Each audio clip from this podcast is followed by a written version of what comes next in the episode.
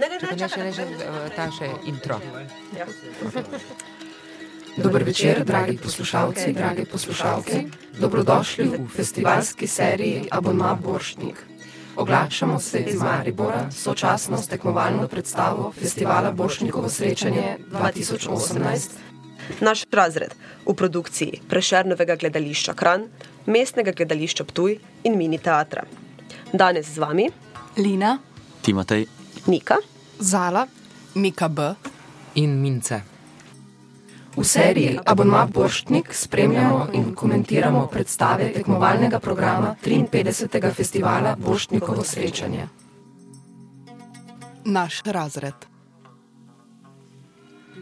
Pripravljeni? pripravljeni. Pozor. Pozor. Pozor. Zdaj.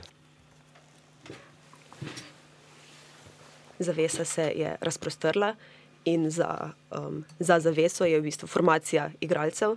Uh, stojijo, postavljeni so kot na uh, razredni fotografiji, v bistvu, ko se fotografiraš.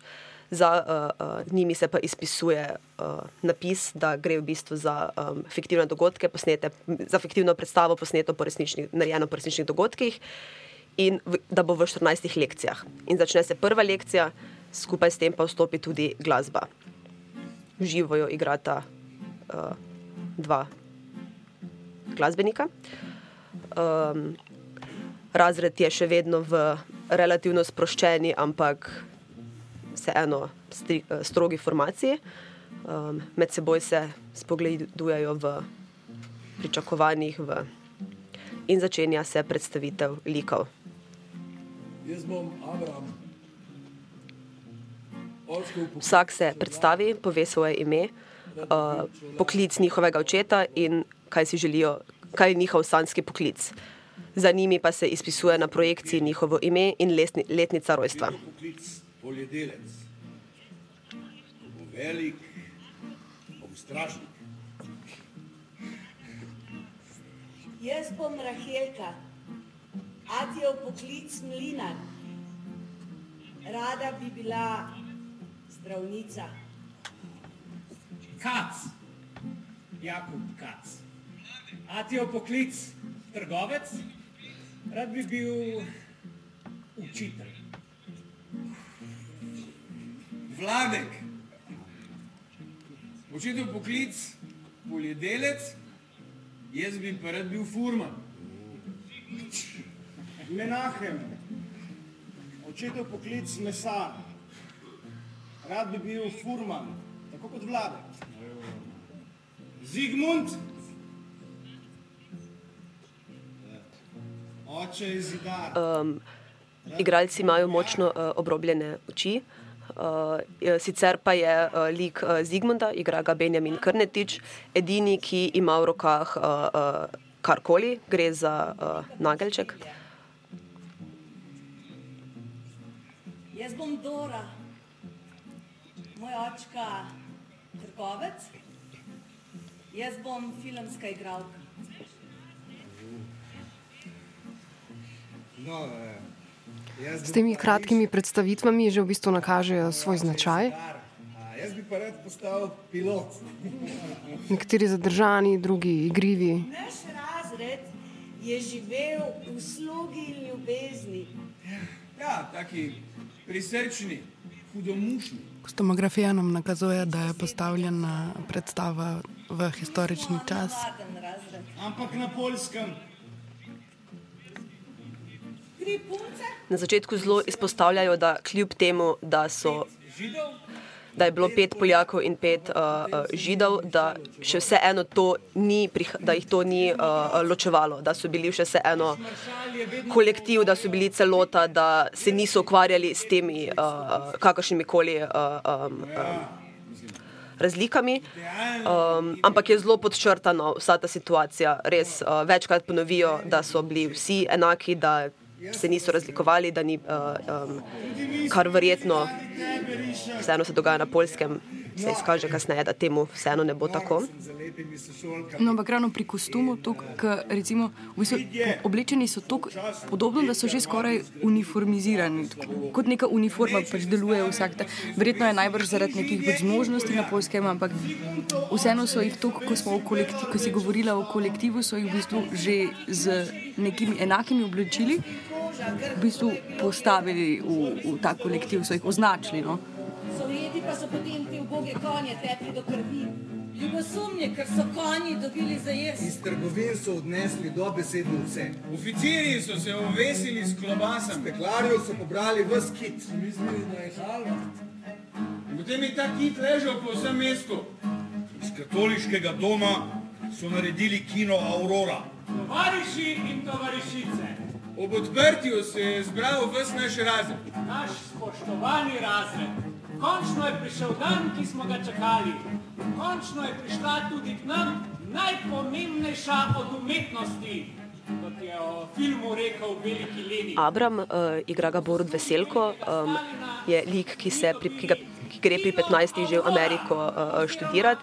Je edini, ki ni popolnoma frontalno uh, obrnjen proti publiki, ampak v bistvu uh, z levega profila. Kar nakazuje na njegovo delno vključenost v samo situacijo. Drugač pa zelo um, kolektivno in skupinsko delujejo na odru, kot ena taka gmota. Dobro, zdaj so začeli stopati na razen, ampak tudi način, kako so vse to govorili, tudi o segregaciji, potem, ko se je začela doga dogajati, to, da so jih začeli razsedati med sabo, nekako neko grotesknost, neko absurdnost v načinu igre ali pa pripovedi že nakazuje predstava. Kljuse je padlo, padlo je kljuse. Nek tak konstanten ritem, pa malo neke historičnosti, da tudi glasba uživa. Sploh se vsakič, ko je glasba uživa na odru, se mi zdi, da je to ponavadi neka dodana vrednost no, predstavi, da se vsakič znova izkaže. Tudi, tudi če je samo spremljava, ni treba, da je to seveda muzikal, da bi delovalo, ampak neko toplino se mi zdi, da takšno, ki je pač posnetek, enostavno ne more. No. Ampak to so recimo vse uh, to, kar sta uh, Nika B. in Minca do zdaj izpostavili, torej kolektivna igra, uh, delovanje kot celota, uh, uh, uh, močen uh, podarek na glasbi. Oziroma, um, to so v bistvu vse elementi, ki so zelo značilni v bistvu za režijo Nina Rajič Kranjac. Ampak meni je zanimivo, ker se izpostavlja to absurdnost. Zaradi tega, ker ja, se strinjam, sicer mislim, da zdaj, okay, to je par minut samo, da moramo zares vedeti, da kako različna bo njihova igra, niso čist, čist poenoteni, ampak se pa strinjam, da je mal absurdnost v tem in da je pri nekaterih tudi mal bolj absurdna igra. In mi je fulmin zanimivo, ker v bistvu tekst bazira na realnih dogodkih.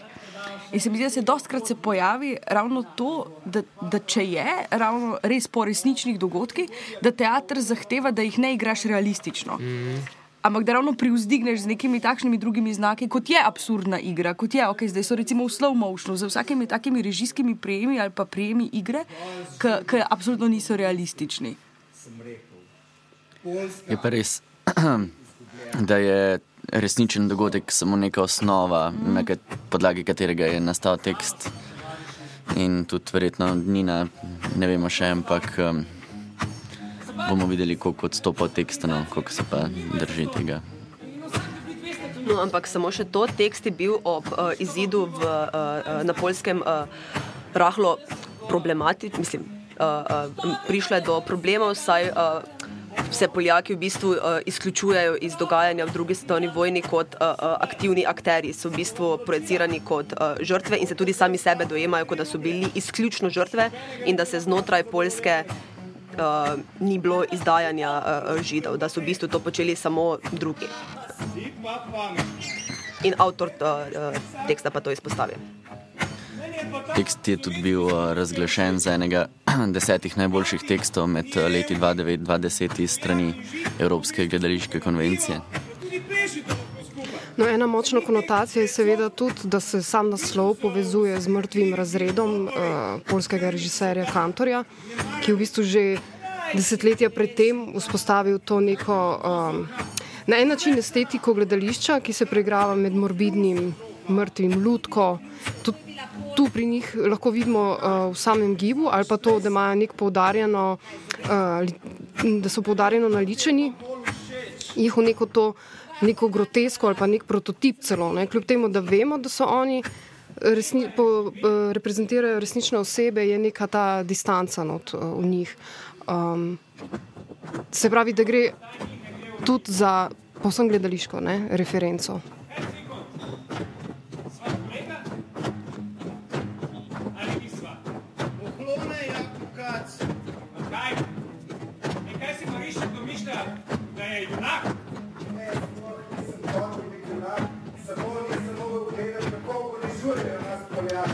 S tem, ko je se končala glasba, je v bistvu tudi vsebinsko prišlo do prvega preloma. Uh, prvi najbolj krut stavek govori o pretepu, o neki razčlovečenosti. In s tem, ko izgubimo tudi uh, glasbo, ne, se, se, se zgodi tudi neka dru, drug, druga atmosfera. Zdaj se glasba je pozo, uh, ponovno vrnila. No, ampak v tem primeru je šlo še vedno za. Je šlo definitivno za nasilje, ampak iz ne popolnoma političnih vzgibov, ampak bolj iz vzgiba odraščanja. Seveda so bili politični motivi verjetno tudi nekje, uh, ampak zaenkrat so še v ozadju. Um, se v bistvu na to gradi še neka uh, drugi motivi. Um,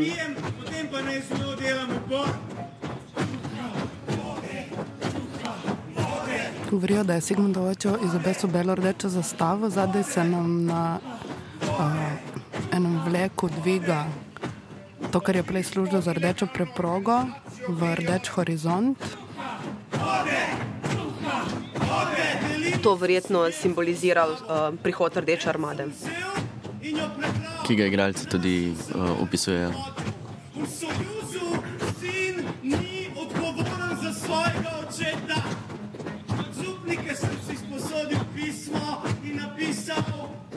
Igravci torej že tu vidimo, da v bistvu prehajajo med samimi liki in pripovedovalci. V bistvu se ta dinamika vse čas preskakuje, kar daje neko, uh, nek ritem sami prizoritvi in točno te uh, razlike med, med resničnostjo in stilizacijo. Neko v bistvu zelo živo pretresljivostjo in hkrati dis, distanciranje od tega. Včeraj smo gledali teror, uh, ker je Miha Rodman uh, igral um, Larsa Koha. Larsa Koha ja, obtožen za vojaka pilota, zdaj ga tu vidimo v čisto drugačni vlogi in meni je zdaj, pa Miha je bil tudi moj sošolec, no, pa mi ga je super gledati zdaj v dveh toliko različnih nastavkih, igralskih pa dejansko fino.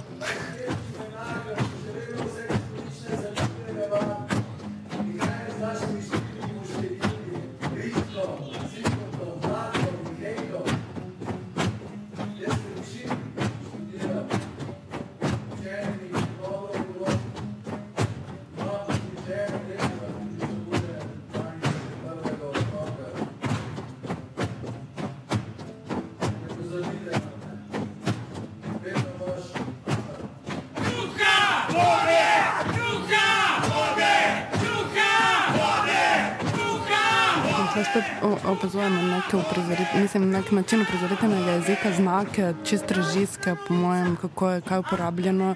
Vsebinsko niti zdaj nisem uspela slediti, kaj, kje in točno smo, ampak skratka ena od igralk si je nadela delno masko, uh, kjer ja, konja. Kar si prej zala govorila tudi o kantorju, ne vem, da je tle še nek ta lutkovni dodatek. Mislim, malo me zdaj tudi estetika vleče še s tem kantorjem. No? Ampak spet vidimo odrski uh, prostor, uh, ponovno oropan neke scenografije, vsaj zaenkrat ne. Uh, vidimo to neko tendenco ja, uh, sodobnega gledališča, kako v bistvu. Pa na eni strani tudi prisotnost pripovedi spet, ne? kako pripoved v bistvu pride v vlogo slikanja scenografije.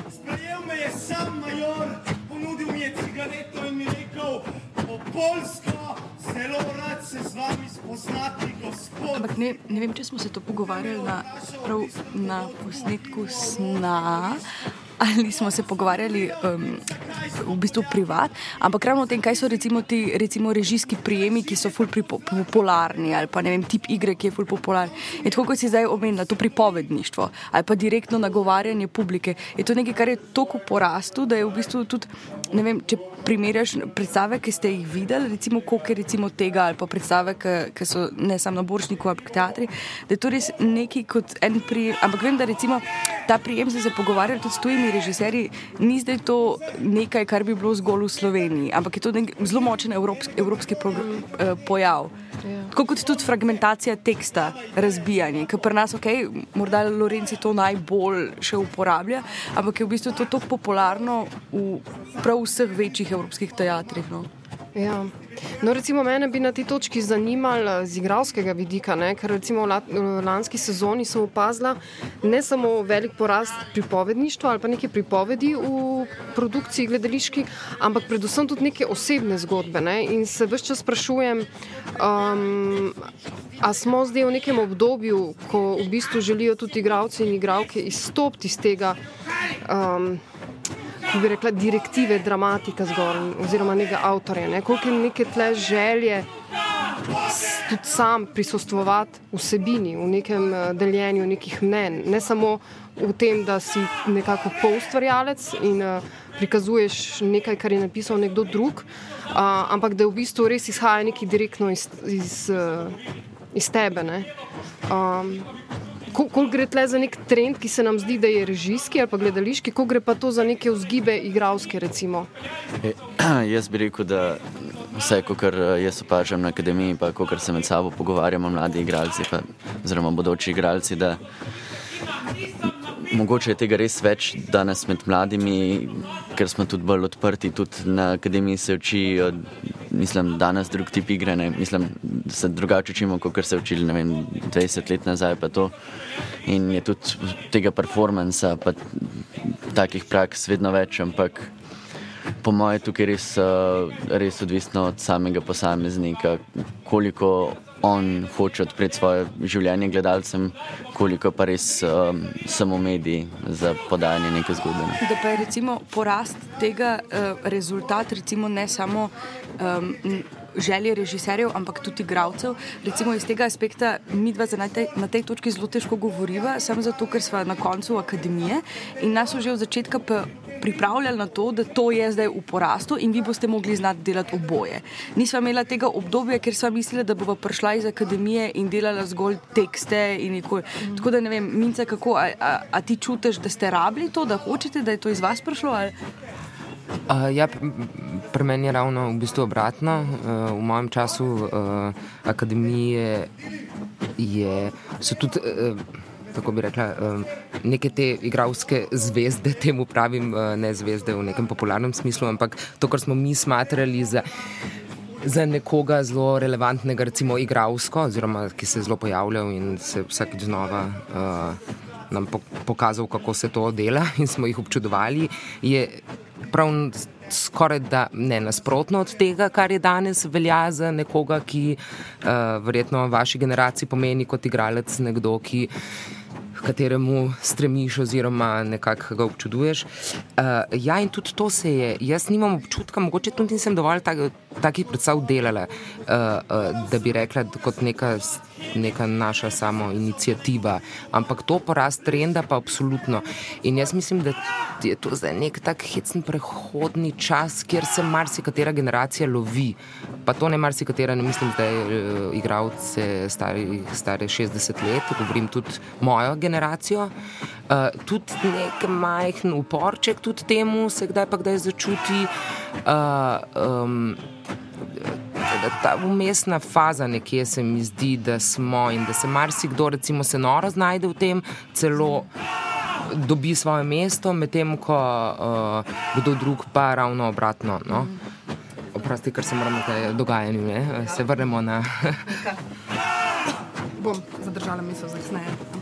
Uh, okay, uh, samo če še malo uh, pokomentiramo dogajanje, gre v bistvu za uh, moment, ko začnejo igralci uh, v, uh, v bistvu v, postavljeni v vrsto frontalno na uh, publiko uh, s telesi, torej v bistvu z uh, uh, korakanjem, uh, da daje ritem. Uh, um, v vrsti manjkata edino Borod Veselko, ki je že v uh, uh, Ameriki in jim pošilja pisma, ter uh, Blaž Setnikar, ki pa je za uh, vrsto in se bistveno bolj intenzivno kot ostali giblje.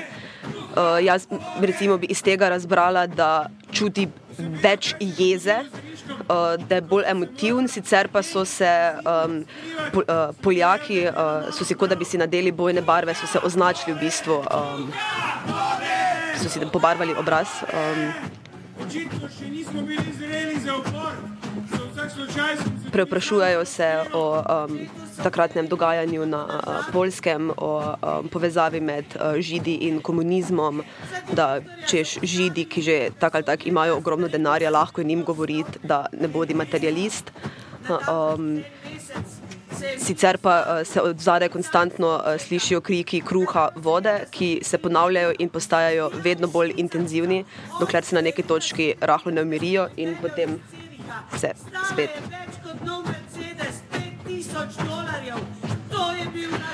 Um, Blaž uh, Setnikar igra uh, Lik Riška. Uh, on je um, na začetku, ko so se predstavili, je. Um, uh, uh, smo lahko ugotovili, da gre v, uh, za enega izmed Poljakov, torej za uh, katolika. Um, sedaj pripovedujejo zgodbo o um, tem, kako so se um, nekoč uh, Poljaki med seboj uh, uh, napili v uh, eni uh, um, in uh, peli antisemiti, antisemitske pesmi, za kar so bili potem um, pretepeni. Uh, v gibu lahko tudi vidimo, da se vedno bolj v nekem pijanskem deliriju tudi um, premika. Um,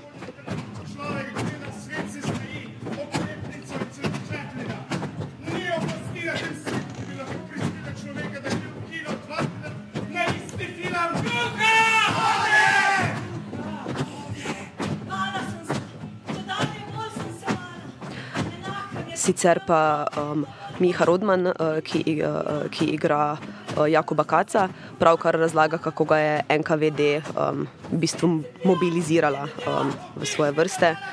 In vedno bolj prihaja do neke segregacije med, znotraj razreda med enimi in drugimi. Um, trenutno je, um, se dogaja v času zima, je, je zima, uh, zato so vsi uh, sključeni, um, zebe jih. Um, bi lahko ta ples ali gib kulturno eh, povezali ali z eno ali drugo, zdaj versko, recimo ločeno to?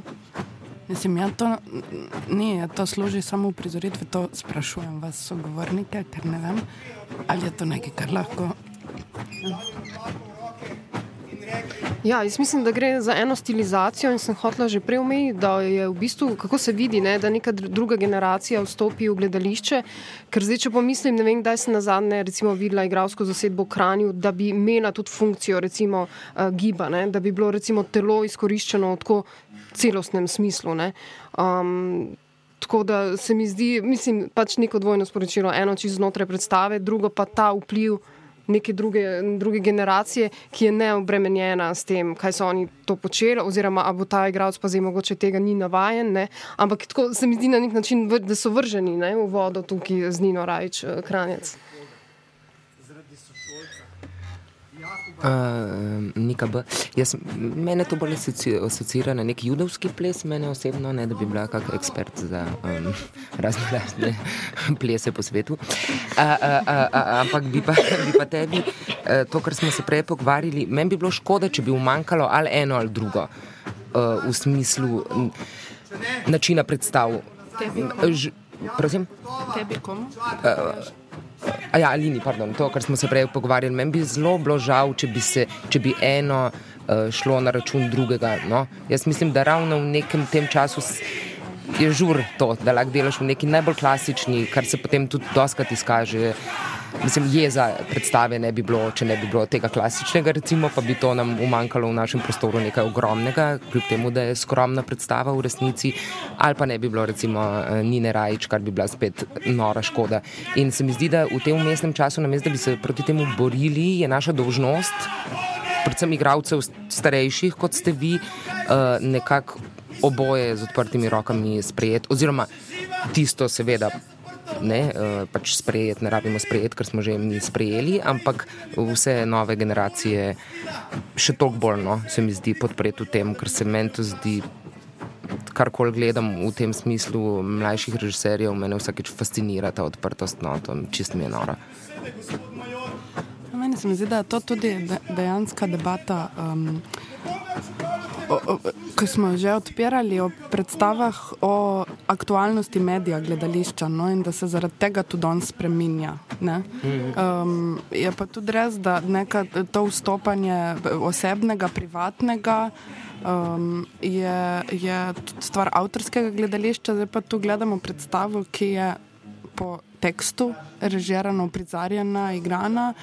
Eh, pa, pa neke druge sorte stilizacije in sodobnosti igre ali pa prizoritvene jezike. No. Um, tako da se mi zdi, da sta dve stvari. Ne. Tu eno je zdaj ja, v tej sodobnosti iskati prostor gledališča skozi to, kako prizoritveni jezik ti postavljaš.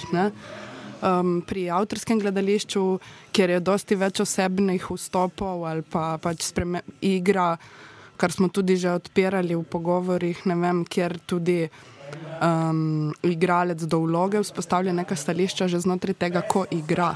Ne?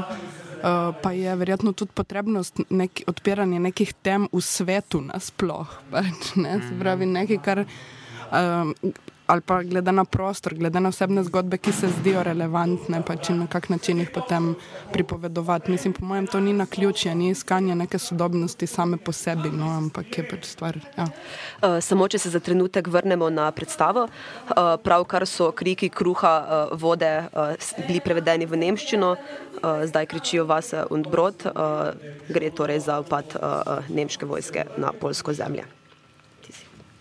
Aj, jaz, če se spet vrnem, sem samo hotel še to reči, da um, recimo Kranski je uh, zelo majhen ansambl in je mogoče lih prednost v tem, da vsi igralci lahko igrajo praktično vse. Um, da je tukaj iz igralskega stališča, če komu nekaj bolj leži, uh, problem mogoče res teh večjih ansamblov se igralce tudi potem v kalupi in se določene mm. jemlje samo za neke tipe predstav, določene pa smo, tudi jaz sem se že s parimi pogovarjal, ko so jih izpostavili to problematiko. Zdaj, um, problem bi bil lahko, ker je mehen ansambl, da bi bil res problem, če se kdo ne bi nekaj ujel, ampak vsaj na odru se mi zdi, da so res um, povezani in da gre res za močno kolektivno igro. No recimo ta kolektivna igra. Jaz ne vem, Nina ni dolgo nazaj zaključila akademijo, ampak se mi zdi pa, da je to um, nekaj, kar je že mal tipično za njeno režijo. Ona je bila edina režiserka v zelo velikem letniku in so delali skoraj vse produkcije skupaj in je imela velik ansambl in vsi so dobili enako vredne vloge. In se mi zdi, da tudi zdaj, ko je končala akademijo, res ima skozi ta. Kolektiv, ki je močen, in vsi imajo bolj ali manj res enako vredne vloge. Tako da to me je fully lepo pri njej. Drugač, druga stvar, kar se tiče teh nekih izpovednih, um, izpovednega tipa um, v bistvu predstav in teh nekih osebnih zgodb, to se mi pa zdi, recimo, v izkušnji na akademiji da ja, je nekaj, kar si igravci ful želimo, ampak mi smo še zdaj v tej fazi, ki se tudi učimo like kreirati ne? in se v bistvu ta trenutek si želimo vsega. Sem pa opazila, da v bistvu mladi režiserji ful težijo k temu. In skoraj smo imeli že kar nekaj izkušenj, da so prišli in so z neko idejo, in pol smo mi dobili zelo klasično domače naloge in kreirali svoje prizore in to kazali. Ne? Ampak recimo, doskrat se pa izkaže, tu pa mislim, da so izkušnje, da pa iz tega materijala, ki se navaja, vajah naredi skozi razne improvizacije, skozi domačih nalog, da, da tega ne znajo potem na koncu uplesti v samo predstavo. Ali pa da ne vem, da porabiš mesec, dva za te stvari, pa pa, se moraš vrniti k tekstu, pa ne znajo to v tekst nazaj preplesti za res.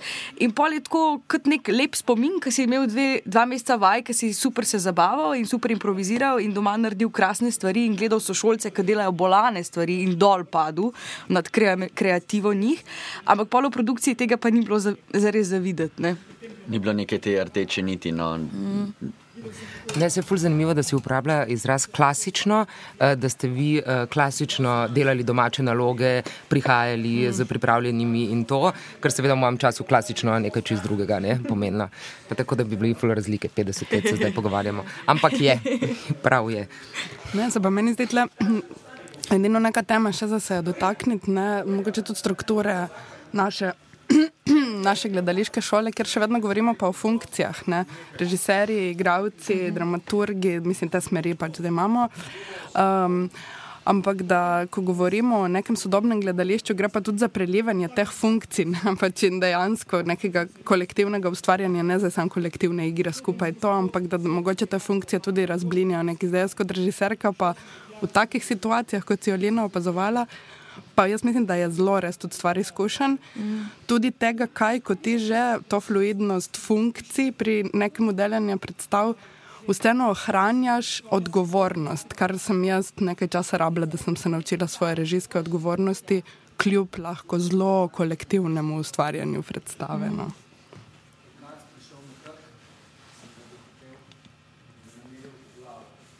Ampak recimo, mi je pa, ful mi je pa hecen, ker que včasih, če pa je tega preveč, te, te fragmentacije teksta, izpovednih zgodb in performativnih.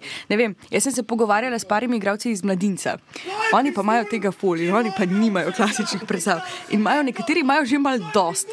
Sploh ti, ki so recimo uh, prišli v mladinca, ne vem, 20 let nazaj, 30 let nazaj, ki pa so imeli še te klasične predstave in so res zelo dobre stvari ustvarjali. Um, recimo, oni pa imajo zdaj tega tipa sodobnega tipa teatra že kar mal čez glavo. Sam se mi zdi, da tle raz tudi moramo vedno pogledati iz obeh smeri. Eno mm. smo mi, ki kreiramo predstave, jih delamo in pač tudi. Um, Pa pa imaš tudi gledalce, ljudi, mislim, čemu so predstave namenjene, s kom teater komunicira. Ne, pač z gledalci, kar pomeni, da v tej sodobnosti iskanja tem, iskanja prostora teatra, pa mogoče tudi reči, da je tebi dost že takih, ne vem, to je lahko pač čisto interna debata, v resnici mm. pa gre bolj za to, da se sprašuješ, s kom teater komunicira, s kakimi temami, s kakimi. No, ampak ni tako nujno za res interna debata. To smo v bistvu do neke mere načele že pri snu, ko smo se pogovarjali o tem, kako, koliko je ok, da se dela po motivih uh, tekst, in se ne pove, da ni integralno prizorjen. Torej, recimo pri snu, da se to oglašuje kot uh, uh, Shakespeareov tekst. Um, ali je to, ne, um, pa, kakšna so v bistvu naša stališča? Um, ja. Pardon, jaz bi sam Lina še popravil, ker sem bil tudi pri nek nekih teh pogovorih zraven, se mogoče malo uh, narobe izrazili. Niso rekli, da imajo prav dost takih predstav, samo da, pač, da radi delajo take predstave, ampak da tu pa tam pogrešajo tudi mogoče kakšno klasično. Ne, ne, se, ja, se, se strinjam s tem, da je dobro me je popravil. ne, ne, ne, vse to je bilo jasno. Ja. Vse tudi, recimo, so bili ful veseli uh, Matička, ki so ga zdaj v drami igrali, noro vsi veseli te predstave, ki je v, v naših očeh, vsaj mojih, dosti klasična, ki pa ponuja paleto takih likov, likov, predvsem zato, ker so jih oni naredili v te like, da jaz take bravuroznosti nisem videla že dolgo na odru in jaz sem v tem samo uživala. To, da se jaz ne bi bala res ne enega, ne drugega. Škoda bi bilo, če bi na račun enega umanjkalo drugo. To, to mislim, da ja, se pa prenasičiš nečesa, pa se, se tudi tvoja pravica. No. Vedno več ljudi je prihajalo na trg. Rekel, uh, Jakub Kac, uh, igra ga Miha Rodman, trenutno razlaga o veste, tem, kako je bil. Uh, kako so vdrli k njemu v hišo uh, in ga pretepli. Uh, mama me čaka, dogovorjena sva, da sem šel. Ampak nisem šel v kino, nisem k mami, ampak k Helki. Tudi na sceni, na, uh, desni, na, desnem, na desni strani odra, vidimo nek, kaj to, te stopnice uh, in necacijana garlatija na njih, tako da se tudi to nekako mal širi ta prostor, oziroma na uh, več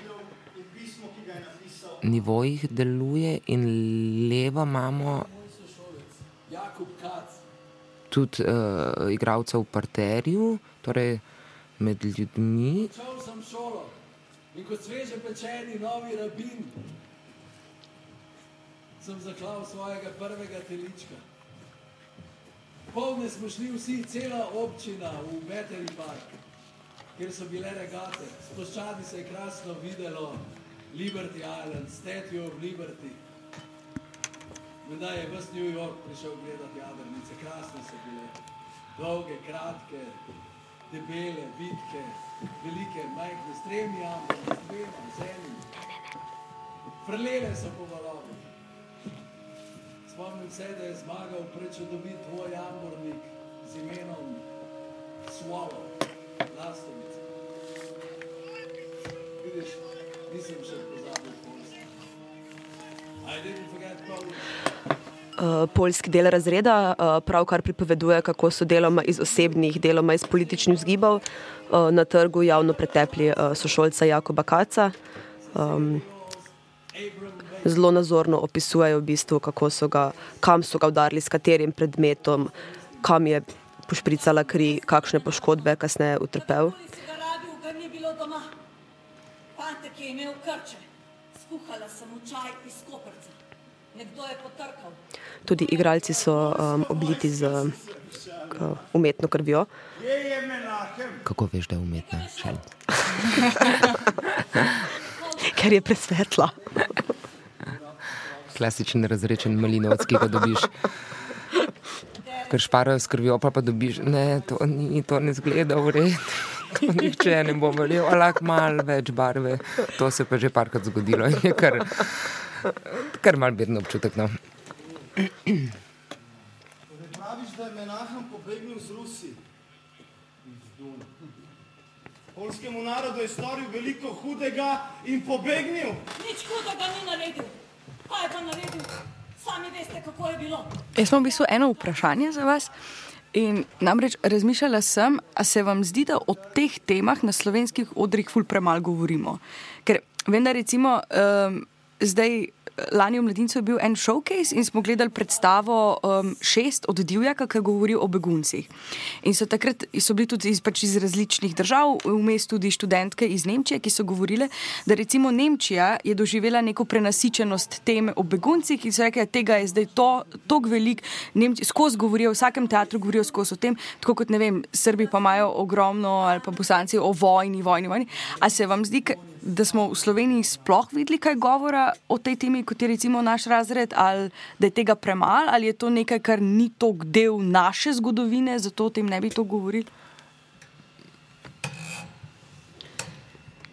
Ja, zdi se mi, da ta recimo na židovstvo pa nacizem se zdaj vsaj zadnja leta zelo konkretno obrača mini teater, tudi zaradi neke ne, uh, um, upletenosti, ne, osebne, a, ampak se mi zdi, no, da oni recimo odpirajo to temo. Ali pa recimo Ivica Bulja in tako. Uh, je pa vedno tle vprašanje, ne, ali se o tem preveč govori, ali se o tem premalo govori. Um, ampak to smo recimo zdaj tudi prav na primeru um, uprizoritve šest. Ne, uh, gre za to, recimo, kakšno funkcijo dobi gledališče. Se pravi, mi lahko rečemo, da ja, o prebežnikih pa zdaj že res vse vemo, ne? ampak v bistvu vemo zelo površinske stvari in da teater res. Vzamemo kot medij, ki se spusti v globino, ki prikaže kompleksnost vseh teh problemov. In zato se meni zdi, da, da na nek način lahko rečeš, da tega pač ni nikoli preveč. Moraš biti pa seveda zelo pazljiv, da se ljudje tega ne nasičijo in postanejo imuni ne, uh, na to. Meni se zdi pa recimo v tem primeru ne, našega razreda in uh, krajinskega gledališča odlično, ne, da so to dal režirati uh, Nini Rajč. Uh, Ki je ne samo izvrstna režiserka, ampak ki pri njej se res kaže odnos do teme, ki jo, ki jo obdeluje. Ne? In tudi pri šest imamo žigo divjaka. Ne? In seveda se potem je tle vprašanje, ali, ali je to tudi pogojeno z eno mladostjo, z nekim adrenalinom, še neko upanje, uporništvo in tako naprej. Uh, zakaj je tega manj pri. Um, Mlajši, mislim, pri starejši generaciji, oziroma zakaj je tam doskrat že tako zakodirano, da, pol, da ne vidimo stališča, ne jasnega. Zdaj sem sicer malo drzno izjavo rekla, ne, ampak tema uh, um, za časa druge svetovne vojne, pred začetkom druge svetovne vojne, je v resnici toliko historična, pa že toliko odmaknjena, da že lahko deluje kot uh, metafora za nasplošno nestrpnost ali pa segregacijo ali, poličo, ali ne, uh, rasizem. V našem prostoru sigurno so, so je pozicija židov ne, je bila mogoče res v manjši meri izpovedana, ampak zato pa toliko več vem, tem na narodno-osvobodilnega boja, partizanstva, domobranstva. Pač um, skratka, meni se res zdi, da to lahko že kot metafora deluje. No? Medtem ko je šest, ne, v primerjavi pa res aktualno nagovarjanje kot temu direktneje. zdaj, v bistvu, ko sem malo razmislila, v pol minute sem se spomnila samo na lansko sezono Kranskega gledališča, kjer so imeli judovskega psa, koprodukciji z mini teatrom in Helverjevo noč. Se pravi, dve zelo konkretni temi, ki se navezujeta na, na judovstvo. Je pa seveda to vedno dan danes treba brati kot metaforo oziroma univerzalno neko sporočilo, se pravi, naš odnos do drugega. Ne? Ta drugi pa je lahko v bistvu na, na nek način. Prav se mi zdi uh, Helverjeva noč uh, je bilo recimo, um, v sami zgodbi prepoznati zelo konkretno nek odnos, uh, recimo tudi v, danes v Sloveniji. Ne? ne bo to recimo do drugih, do, be, um, do beguncev, lahko je pač neka politika do umetnosti same ne? oziroma, oziroma do kulture. Um, tako da ja. Pač le vidimo to tendenco ali pa neko ja, prav družbeno odgovornost kranskega gledališča da odpira pomembne teme. Pa tudi smo že omenjali pač pred leti potem predstavo o izbrisanih, sploh prvič pri nas v zgodovini ne, slovenskega gledališča.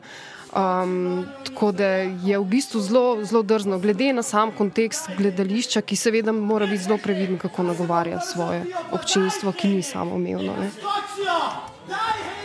umevno. V lanski sezoni eh, smo v celju, ko sem še bila tam zaposlena, delali nebeški odred z Juž, Zidarjem, ki se tudi pač govori o času. In je tudi pripadnik mlajše generacije režiserjev. Tako, tako.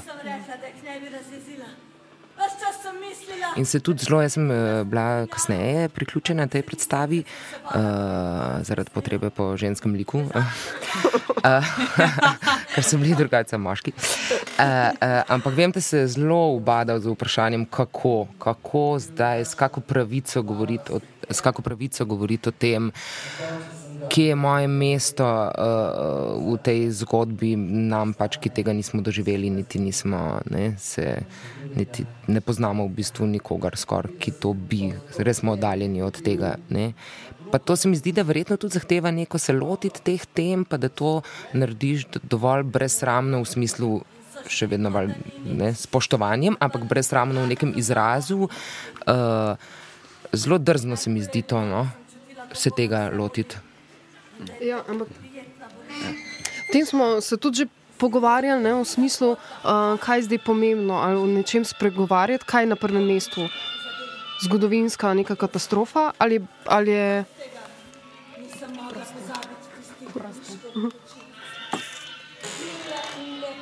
Um, ali je bolj pomembna uh, estetika ne, na nek način. In se to sigurno gre v štric z spraševanjem ustvarjalcev, režiserjem, ne, kako se zdaj tega lotiti, da ne bo gledališka estetika presegla v bistvu krutosti, srhljivosti realnega. Ne. Eh, na tej točki bi uh, spet opozorila na dogajanje na odru. Uh, do sedaj so, je pet sošolcev Poljakov že ubilo enega sošolca, Žida, Jakoba Kaca, torej so na trgu pretepli do smrti. Trenutno pa lahko spremljamo posil, posilstvo sošolke Židinje, igrajo Darja um, ime pa je Dora. In Rišek, torej Blaž Setnikar in Benjamin Krnetič kot Zigmund jo posiljujeta.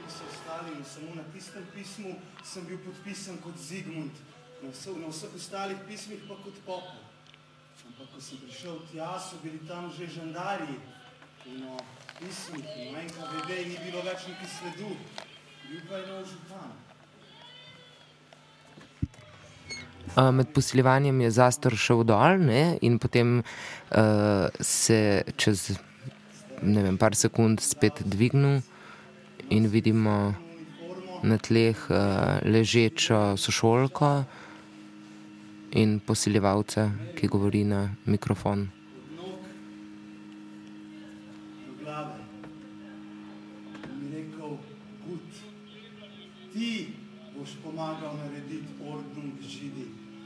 Od petih sošolcev sta torej trenutno bila um, antisemitskega tretmaja deležna že dva sošolca. Niti mama ni vedela, da je tam, sicer pa itak ne bi več prišla gor po tistih stopnicah. Sedela sem tiho kot miška niti dihati nisem upala, vroče pa da ni bilo za zdržati. Šel sem v mesto. Na trgu so židje z žličkami pleli tlak. Na okrog so stali kmetje s palicami, za njimi pa množica bab in otrok, kot nasemljiv.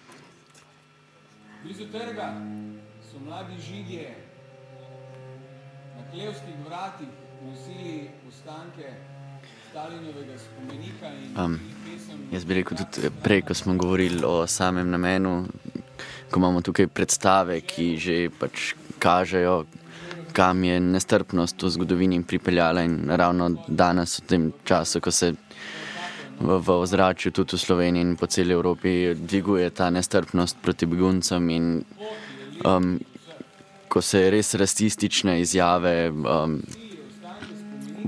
v bistvu podajo na način svobode govora, se vsak lahko govori vse in kam lahko vse to pripelje, se meni zdi, da pač, če se vrnem na kaj je namen v bistvu gledališča, um, koliko gledalcev bo dejansko videlo tako predstavo. Ne? Da, po mojem mnenju bi se več nekako moglo več tudi delati na tem, da se čim več, čim več, čim več ljudi dejansko pripelje v gledališče um, in s takimi, ravno s takimi predstavami, ki, ki so še ne vem kako aktualne v tem času, da se res poskrbi, da um, čim večje mas, mase um, to vidijo, če hočemo no, doseči nek namen. Pravidno ste v zaključnem letniku akademije, Lena Timotej, ampak k- v času recimo srednje šole, na kak način so vas vozili v gledališče, koliko ste samo inicijativno šla, je to bil tudi povod, da ste se za ta študij odločila. To iz radovednosti malo sprašujem, pa ker si ravno o tem govoril, kako nagovarjati ljudi. Mislim, toliko sta zdaj mlajša v tem primeru od mene, da lahko to ful z razliko vprašam, kaj vam ta medij, vama je, va, prav vama zdaj konkretno je ta medij pomenil, no, zakaj sta van hodila v teater, zakaj sta bolj. Ja, jaz bi rekel, da mogoče mi dva niso na, najboljši primer, ker naj jo je že čez celo srednjo šolo res zanimalo gledališče in sva ravno zaradi tega veliko obli, obiskovala gledališče.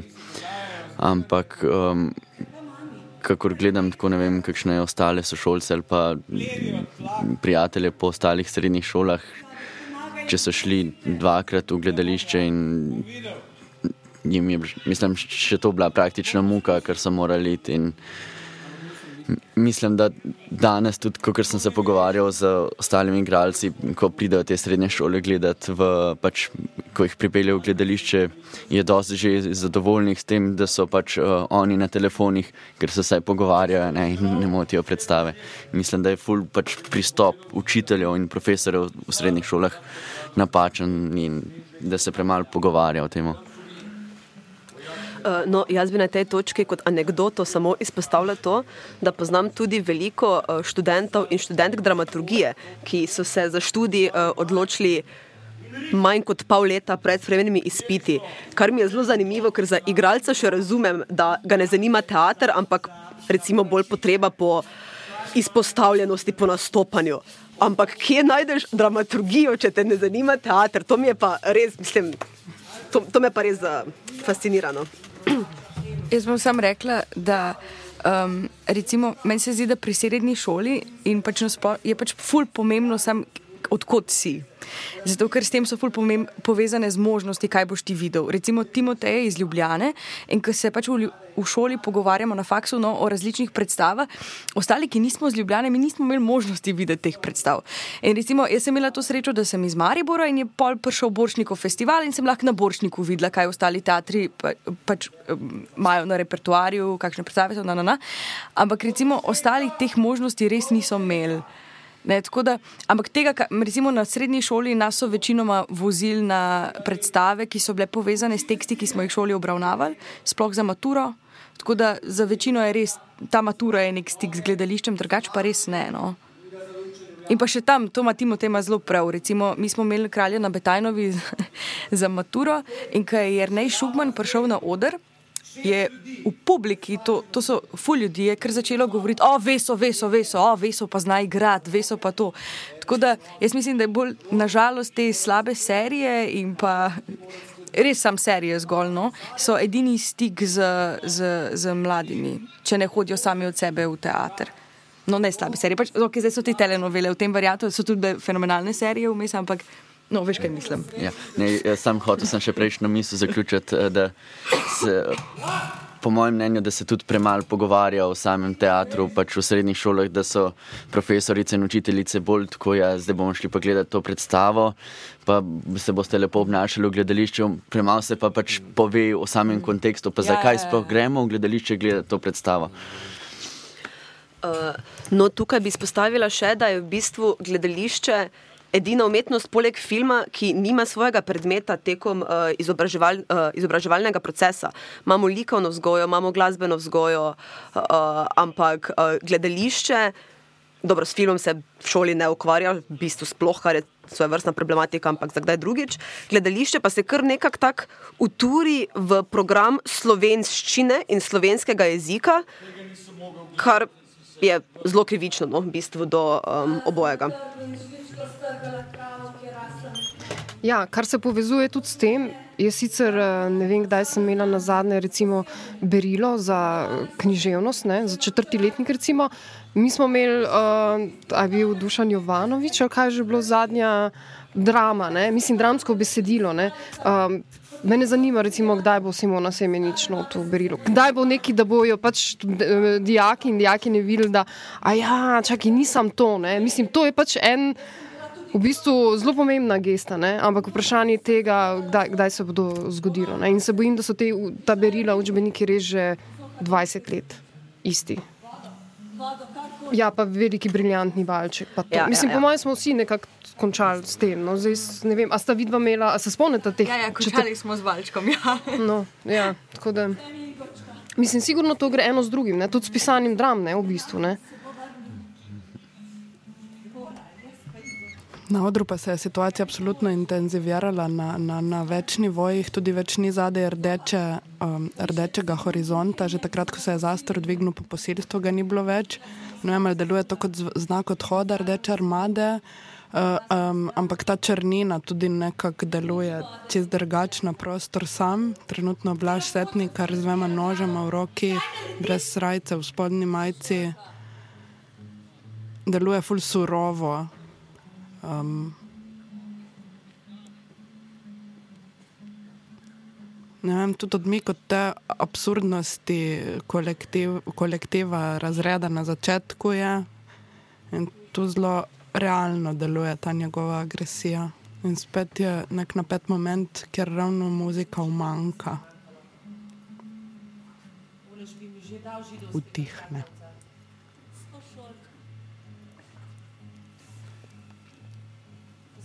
Domov, je bil menak v staji. Kaj se dogaja z oha? Kaj pa bi se? Tepajo, posiljujejo, maltretirajo. Si videla Doro in Igorčka? Samo en detajl, eh, ta uh, magija uh, odra, ne, oziroma gledališča, se mi zdi, recimo, uh, vmes smo videli že prej, da uh, ima Darja Rehman dojenčka z, v rokah, za katerega vsi vemo, da ta dojenček je pač lutka dojenček. Ampak koliko ti je en znak, v trenutku, ko ga posvojiš, ženska z dojenčkom in ta dojenček deluje, in če bi se tega, ta dojenček zdaj vrgel na tla, kljub temu, da bi on bil, pač da je plastičen, nima veze, nas recimo gani. Pardon, to so moje te male fascinacije z gledališčem, ki deluje. In pridno smo šli do tistega skrbja. Ampak recimo, prej, ko, si, ko smo začeli naštevati malo neke drzne predstave kranskega teatra, zdaj cel čas razmišljam, da sem, recimo, da vedno se mi zdi, da tako mladinsko zauzema neko pozicijo tega teatra, ki bo govoril o političnih temah, ki bo radikalen, ki si bo upal. Recimo, jaz zdaj vedno bolj razmišljam, Madonna Kran, Ma Kran ga kar hara glede tega. Res, prav. To je recimo eh, spoznanje, do katerega smo prišli že včeraj, da, gre, da je PGK v bistvu najbolj konsistentno podcenjen teater. Je pa mislim, da sem imela dva dni nazaj uh, pogovor s Tomažem Toporišičem, ki je tudi rekel, da, da je kran, razen pač mogoče drame ali pa neki. Teater, ki je najbolj konsistentno tudi bil na Boršnikovem festivalu. Skoraj da ni leta brez kranja. To smo se včeraj, ja, ko smo gledali teror.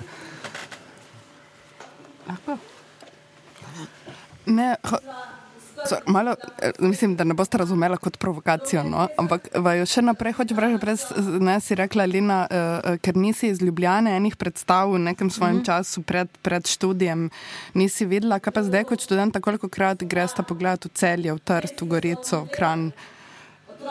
Ja, Maribor. Ne, to se pa totalno, totalno, totalno strinjam. Da recimo tudi v, v, za nas, ki smo na akademiji, res je imel Boršnikovo srečanje, ker nažalost mogoče zdaj to, kar omenjam, ker so nas izključili iz. Uh, pač, uh, nismo več del. Um, uradnega Boršnika, ampak so za nas naredili en študentski festival pred Boršnikom. No, ampak Boršnikov festival je bil edini stik, ki smo ga mi zares imeli z drugimi teatri. Ja, sej si šel pogledat, seveda, sej, sej greš kdaj v celje, sej greš kdaj v trst, še posebej, če so ne vem, kakšni tvoji sošolci v produkcijah, še posebej, če so kakšni mentori iz akademije, kakšno predstavo režirali, ampak da bi konsistentno hodili gledati predstave izven Ljubljane. Prvič nam faks to ne dopušča, ker imamo igro do sedmih zvečer zvečer in po igri še vaje. Tako da čist logistično se ne, ne ujame. Časovno. Je pa res, časovno, časovno, ampak je pa res, da tudi ko je čas, smo absolutno tudi mi krivi, da, da na lastno pest ful premalo krat gremo, ful premalo krat. In je, ja. Res, te ljubljanske predstave, tega vidimo ogromno in hodimo res redno v teatre, ampak je skoncentrirano na Ljubljano. Res je. Ja. Ravno to sem hotel reči, da um, da imamo pa tudi toliko faksa in vsega tega, in da pol že v teh mesecih pred produkcijo si res toliko zaseden, da pol pa, ko še nisi zaseden, si pa tudi zmatren in imaš polno glavo teatra.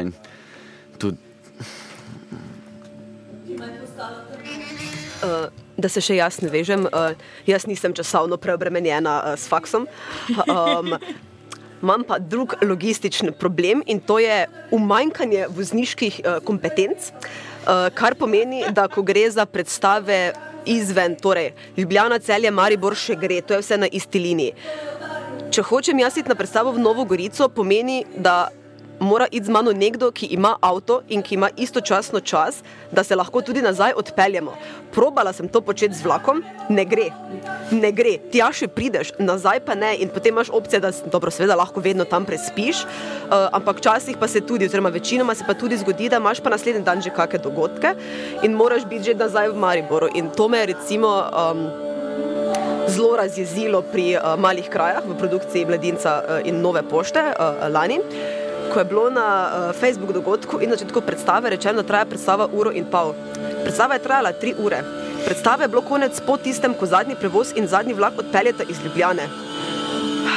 Jaz razumem, da je umetniška svoboda in kreativa in meni je to vse jasno, ampak v tistem trenutku sem bila jaz tako jezna na čisto vse upletene, ker mi je to uničilo cel vikend. Jaz sem potem sredi noči od nekod, veš, mogla privleči neke prijatelje, ki so imeli fraj kavč, da sem pri njih ostala, ker drugače nisem mogla domov, nisem pa živela v Ljubljani takrat več. Ne, in, no, Se, mogoče bi pa to namen režiserja. Ja, ja. Ne, ampak realno tudi gre obratno. Mislim, da se eni igravci, ki pridejo recimo, da si v Novi Gorici zaposlen v ansamblu ali pa v Celju ali pa v Mariboru, kolikrat pa greš recimo tudi v druge kraje pogledati. Z Maribora, kolikrat greš v Trst pogledati predstavo.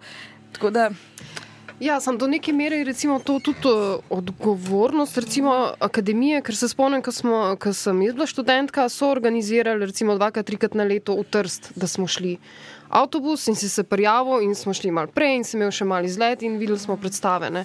In se mi zdi, da to ni neka huda organizacija, ne, sploh pač dan danes, ker je toliko teh ponudnikov. To, tako da sigurno je, ker seveda, če nekaj organizira akademija, pomeni, da tudi uh, kot študent ne rabiš opravičila in nekaj ne v tem smislu. Zgled, v bistvu gre za zelo male geste. Ne.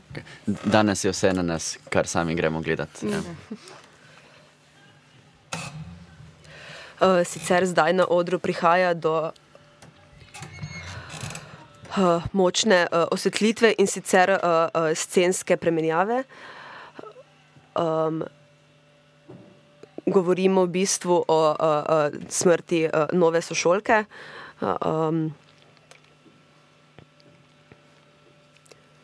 Reflektori so v bistvu tako močni, da je že uh, zaslepljujoče, um, glasba se vedno bolj stopnjuje, odar je izčiščen uh, scenografije.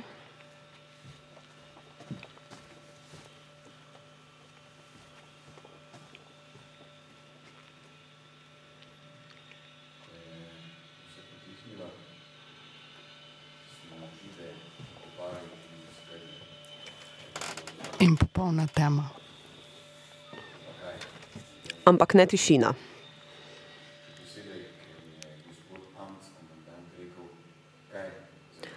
Sošolka Dora, ki so jo um, pred uh, nekaj trenutki uh, sošolci posilili na njenem domu, je v bistvu je zdaj umrla. In na uh, projekciji se izpiše njene, njeno ime, letnica rojstva in letnica uh, smrti, tako kot v bistvu na nagrobniku. Zadaj pa se izpisuje del teksta, tudi na projekcijah.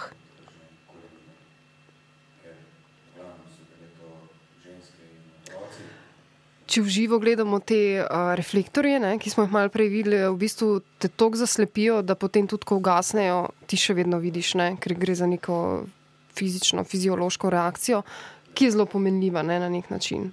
Kolik, uh, ko nekaj izgine, pa v bistvu še, še ostane ne, kot nek, nek privit oziroma nek odtis. Neko je bilo, ko sem letel na sošolo Doro in njenega otroka.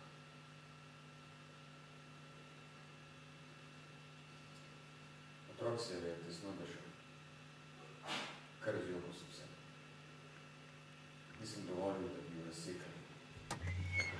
Luč se je prižgala, uh, vsi igravci so na odru, uh, od spredaj en stol. Uh, Aljoša Trnovšek ima list papirja in mikrofon in začne govoriti.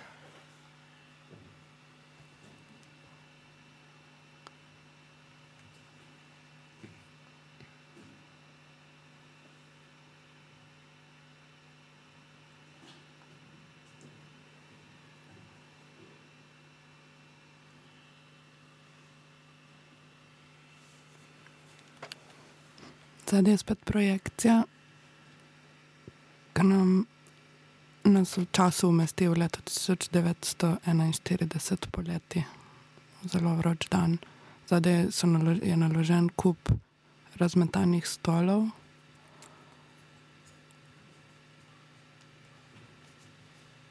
Glede na to, da smo za debatami odhajali stran od predstave, recimo vidimo Darijo Rajhman, ki je v bistvu igrala Doro s tem otročičkom, kar verjetno pomeni, da je več vlog igrala, ali je to režijski znak, da Vsi igrajo smo- več vlog, ampak ja. tudi Jakob Kac, ki je prvi umrl, skozi stoji zadaj. Skozi skozi na odru, to Ja, se ja, mi ja. je zdelo, ja. Obrekel čisto obleko, vzel flašo in se dobil z Zigmundom Henkom Meriškom in sem Sicer pa Aljoša Tr, uh, Trnovšek uh, bere opis uh, Dorinega pogreba. Zdaj pa tako, da sem rešil raketo in da se bom poročil z njo.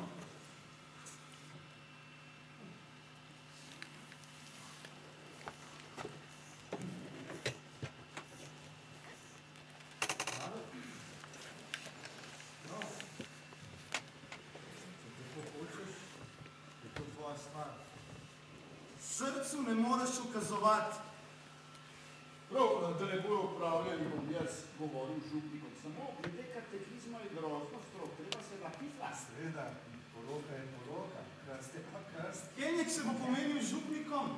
Desno od Aljoše uh, je Blaž Setnikar, uh, ki se sleče do golega in stavi zadnjico Aljoši, ki ga pogleda reče. Dobro. In se postavi nazaj v vrsto. Je skoraj kot družina, mo- morda še več. Šel sem k mami in povedal, da se bo Rakelka pokristjanila in da se bom poročil z njo. Mama nič ni rekla, sem ni jokati začela. Pred snemanjem smo imeli za zalo en uh, pogovor o publikah. A se vam zdi, da recimo takšna predstava, ki je pač nagovarja pomembne politične teme, je radikalna, ampak ne zdaj tako neskončno radikalna, da je mogoče ne bi zdaj širša publika mogla sprejeti. A se vam zdi, da bi ta predstava lahko bila uprizorjena v kjerem koli teatru in bi publika to sprejela, ali so zahteve publik v različnih krajih tako različne, da mogoče ne bi mogla, da je ne vem, kakšen kraj. Morda izven Ljubljana, kakorkoli bolj nagnjen, kakšnim komedijam, in bi, že, bi bila že ta predstava tok izven naravnega repertoarja, da publika tega ne bi mogla zares spremljati, se predstava ne bi ne igrala, ne prodajala naprej, kakorkoli.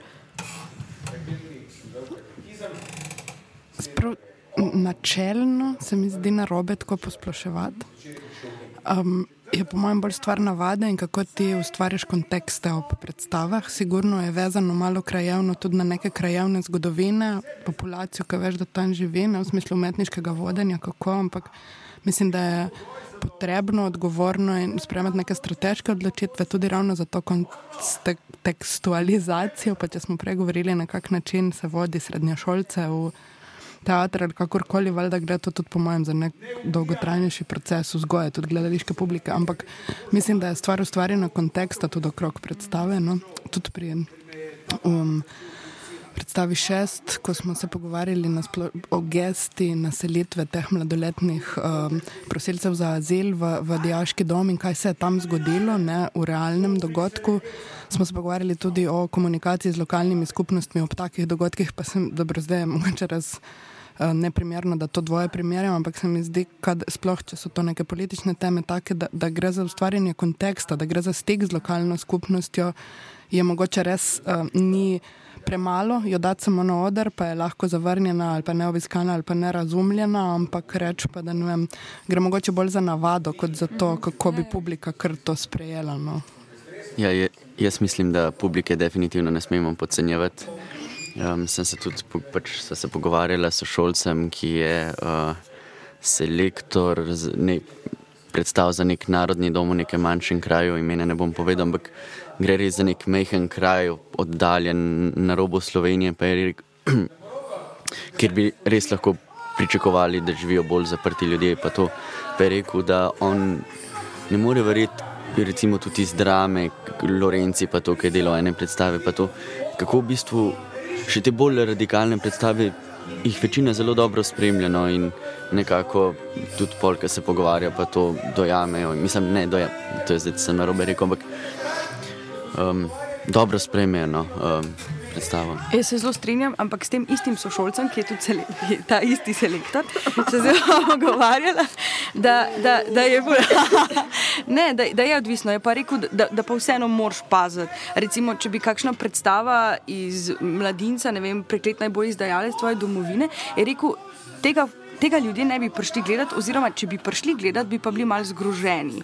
Tako da, je, ne vem, uh, okra, recimo meni se zdi, kar se tiče kranska publika, da, da ravno to, da je vzgoja. Oni so bili ful dobro vzgojeni in so zelo dojemljivi za različne stvari. Tako da ne, nisem hotela, da bi pospo, posploševala, um, zdaj da recimo kak kraj pa ne, ampak se mi zdi, da ne vem, vloga umetniškega vodja, to je zagotovo nek čez nek proces mora iti, ki razmišlja, katere tekste zbrati, katere ne, katere režiserje dati zraven, katere ne. In ali je to nekaj, kar bo publika prišla gledati ali ne. Tako da izvoli iz tega. Izvoli, izvoli, vidim, da hočeš. Ves čas se pogovarjamo o vseh teh temah, o institucionalnem teatru. Res je, res je, absolutno. Tudi, Ab, ja. ne, mislim, ali bi ta selektor vajen so šole, tu ne bomo povedali, da je ne bomo vedeli, kje je ta kraj in kje je ta kulturni dom. Ampak pač kaj to pomeni, da ne vem, izven Ljubljane ali pa mogoče še. Enega večjega mesta, Maribor v Sloveniji, ne moremo več, ne vem, predstav, ki so običajno sodobnejše, nagovarjajo aktualnejše teme ali pa pač imajo drugačne prizoritvene jezike. Če, če jaz zdaj posplošim za neinstitucionalno sceno, da ne morejo iti gostovati nikamor drugam in da imajo publiko samo v teh dveh centrih, to bi se mi zdelo ful zgrešeno tudi v tem, kako. Spet, kako hoče teater komunicirati, pa naj gre zdaj, kdo je izvajalec v ta mali kraj, ki ne vemo, kje je.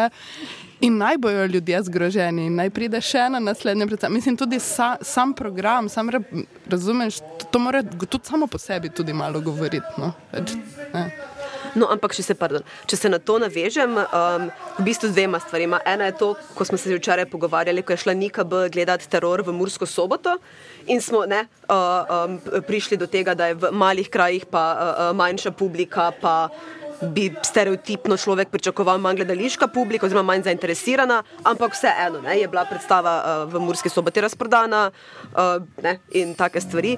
Drug fenomen pa je, če smo že pri Frliču in njegovem delu v izdajalcu, mislim v Mladincu.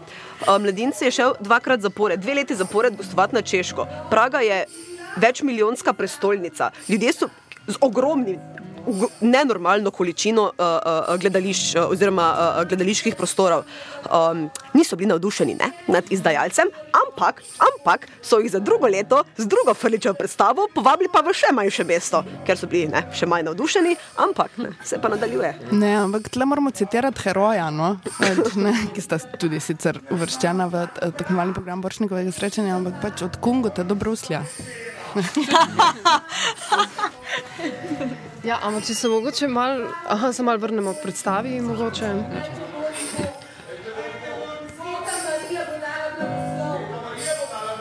Se pravi, na sceni zdaj vidimo nov uh, scenski uh, element, uh, belo platno, um, ki služi tako za projekcijo, kot za neko igro uh, senc. kar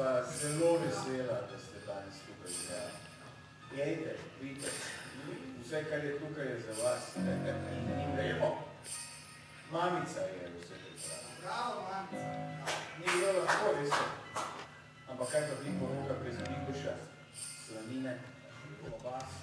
Na tem belem, oziroma rahlo patiniranem, se mi zdi platnu, uh, je igra uh, senc z očitno par ljudmi, igravci, ki uh, zadaj izvajo te gibe, ali kako bi človek rekel, slow motion gibanje. Uh, projekcija je, čeprav vidim sedmi dan po noči, napis na platnu, neka megla mal. Uletava, desno vidimo kup knjig, ki jih prej mogoče nismo omenili, ogromen kup knjig, ki mislim, da če se ne motim, so že od začetka. In še vedno te stopnice na desni strani. No, tako estetsko, v bistvu to malo neko kabarejska zdaj uh, slika, pa nas vrača v to neko stilizirano igro, tudi s temi sencami, nazaj v to grotesko. Mm.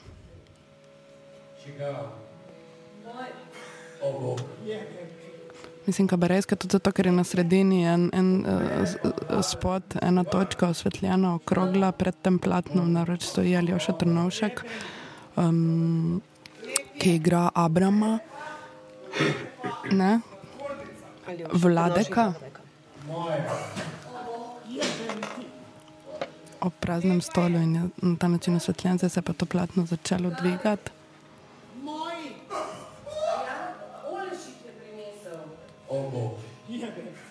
Lepi so.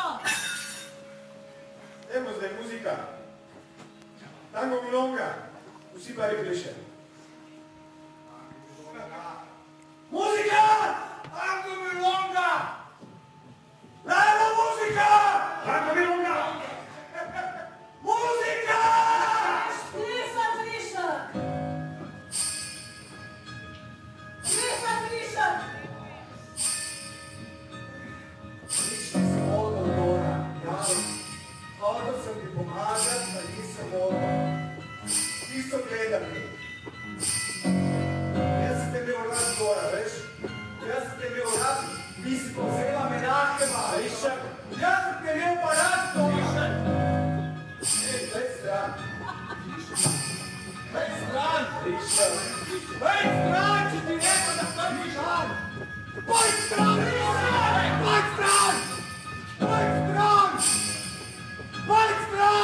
Zdaj sicer spremljamo uh, sanski prizor, sanski prizor uh, ko Priška, uh, Blažo Setnikarja, uh, tlači nočna mora in ga zasledujejo, uh, v sanjah ga preganjajo v bistvu misli na sošolce, ki jih je pobil uh, in posilil. Uh, na, uh, na rampi odra pa spremljamo um, uh, Darijo Rajhman, ne, uh, na mikrofonu, pa levo, uh, Vesna je unikar, ne? Resnice ne moreš pokopati. Dobro, pa kaj? Kaj pa?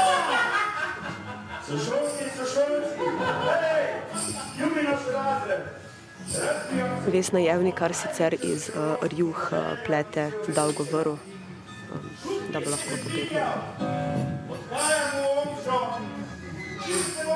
Zdaj v tem prvem delu predstave smo v uri pa 15 minut dobro v bistvu videli eno tako dramaturško linijo popolnega razkroja, neke idile in sloge na začetku. In uh, potem se skozi posamezne lekcije, ki so tudi naslovljene in projicirane, v bistvu se je vsak prizor odstre večjo nestrpnost, večji, večji razkol. Um, in v bistvu, če zdaj pomislimo, kako kratkem času tudi v odrskem času se je to zgodilo, uh, se včasih lahko zgodi tudi uh, v realnem življenju, kako lahko se hiter uh, nekdo zaradi neke pod vplivom drugih ali pa neke množice v bistvu lahko spreobrne. Nasploh bi sicer rekla, da gre za uh, izje, uh, predstavo z izjemnim uh, energetskim nabojem. Um, da ti ne pustiti v bistvu že skoraj da dihati, no res je pet v dogajanje. Ja, gre predvsem za eno simbiozo besede, giba in zvoka, kar ne vidimo doskrat in kar v bistvu govori o eni zelo precizni režiji, bolj kot se nam zdi ne, na prvi pogled. In, din, in dinamiki, ritmu, ki v bistvu spodbuja tudi neko ne vem, nelagodje, tesnobo, vse to, kar ja na nek način hoče poudariti. Ta prizor deluje kot nek prizor transa, no, s, s, z nekimi ponavljajočimi gibi in tudi tako glasbo, nas tudi gledalce spravljajo v, v ta občutek. Koreografinja je bila Tanja Zgonc, tako da jaz mislim, da je to res super, niti ni bilo prepuščeno samim igravcem. Uh, kot takim, ne vem pa na katerem točki zgodbe smo, Mika še. Uh, ne razumem čisto. Um, na toč, smo na točki zgodbe, ko, do, um, ko je uh, Poljska še vedno uh, okupirana, ko sta zaenkrat mrtva dva sošolca, eden je pa v Ameriki, kar pomeni v bistvu, da čakamo še razplet drugih. Um, podob. Vidimo pa tudi že iz tega, da uh, Riška vedno bolj uh, preganja vest, kar se veliko krat konča uh, samomorom, bomo videli, ali bo tudi tokrat tako. Um, je pa na tej točki, mislim, da očitno, da je Zigmund, uh, ki ga igra Benjamin Krnetič, absolutno najbolj zagret uh, uh, v boju z, mislim, v boju, najbolj zagret antisemitistno. Uh, on si jih res jih želi pobiti in je zelo krvoločen, jaz se ga v bistvu kar malo bojim. No? Mislim, res ima ta pogled sociopata.